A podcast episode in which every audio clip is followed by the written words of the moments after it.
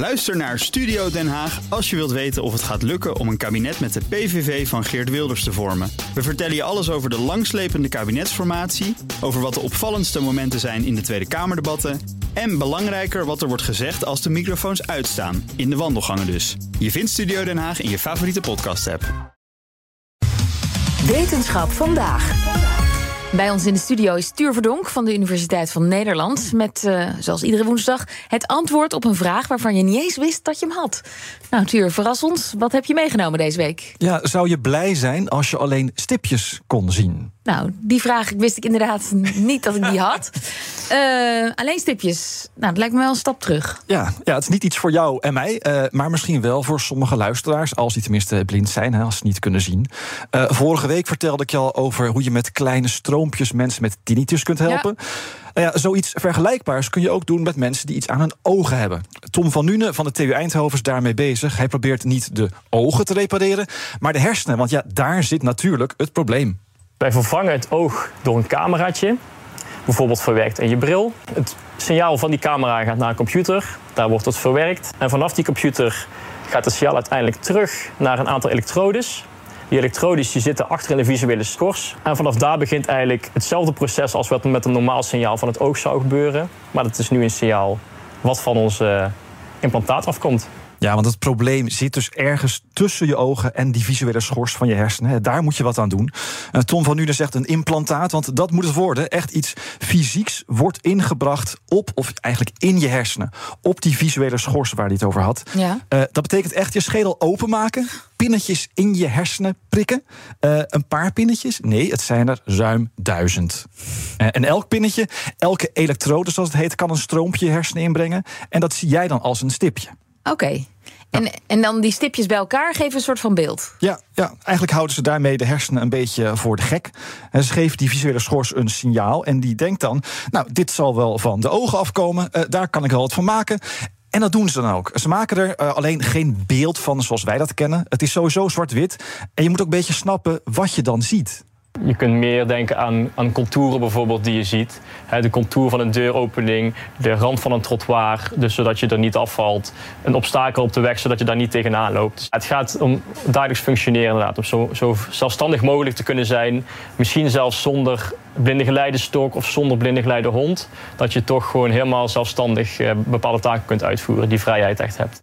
Ja, dus, maar uh, het kan dus al wel. Ja, ja het, kan, het kan en het kan niet. Uh, kijk, het principe dat, dat zicht en elektriciteitsstroom iets met elkaar te maken hebben, dat is al zo'n 200 jaar oud. Benjamin Franklin, een van de founding fathers van Amerika, uh, en wetenschapper, ook de man die dingen deed met bliksem, was dat al op het spoor.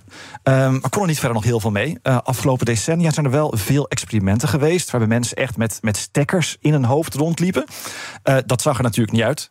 en wat ze zagen was ook niet heel indrukwekkend. Mm. Tenminste, als je daar met de kennis van nu op terugkijkt. Uh, maar iets korter geleden, twee jaar geleden, lukt het Spaanse wetenschappers om echt iemand weer een heel okay. klein beetje te laten zien. Uh, met die stipjes waar we het net over hadden. Dat uh, was een grote stap vooruit. Die mevrouw had dus echt zo'n implantaat. Een vrouw uit Alicante, die heeft al elektrodes in haar hoofd. En die, uh, die was er heel blij mee. Ja, ze kon ook allemaal vormen in één keer, in één keer zien die, er, die, die ze jaren niet gezien had. Zij heeft ongeveer 150 elektrodes. Dus 150 witte puntjes waarmee je een beeld kunt maken. Maar ons systeem is dan alweer een stuk geavanceerder, 1024 elektrodes. En waarschijnlijk in de toekomst gaan wij nog verder. Misschien 10.000, misschien 50.000. Dus dan kun je echt nog veel gedetailleerder beeld maken. Dus dan is het voor de gebruiker ook veel nuttiger om, om het systeem te hebben. Ik, ik, moet me dan voorstellen dat dat dan een soort van schilderij van Vincent van Gogh wordt eigenlijk. Met al die kleine streepjes en stipjes. En uiteindelijk maak je daar dan een soort van geheel van. Daar gaan we naartoe, een soort uh, pointillisme, zoals de kunstgeschiedenis ja. mensen zeggen. Dat klopt, ja. En dan hopelijk later, nou ja, ik weet niet of jullie een computer hadden in de jaren negentig. Maar dat had ja. ook niet zo heel veel... Nee. Maar uh, nu kan het beter. Maar, maar, maken er mensen al gebruik van? Nee, niet van dit systeem van Tom van Nune. Uh, het is allemaal nog heel experimenteel. Maar ze doen wel al dierproeven. We hebben op dit moment een aantal aapjes die het systeem hebben gehad. Dit was ook wereldwijd een van de eerste keren dat dit uh, fatsoenlijk gebeurd is. Ja. Daar zijn we ook wel heel trots op, want ze, uiteindelijk konden de apen zelfs letters herkennen. Dus ze konden een alfabet herkennen en ze konden richtingen aangeven. Het is zeker een succesverhaal, ja. Ja, ik vind het heel spannend hoe een aap nou richting kan aangeven. En letters Eh, kan aanlezen, maar goed. Ja, zou moeten inhuren. Eh, het is nog geen permanent implantaat. Hè. Dat zou een stap in de verdere toekomst zijn. Eerst eh, proberen op mensen en dan zoiets bouwen dat je het ook echt vast in je in de hersenen kunt houden. Mhm. Eh, Ik vind dat heel, sowieso fascinerend. Hè, dat je sowieso je hersenen kunt bijsturen.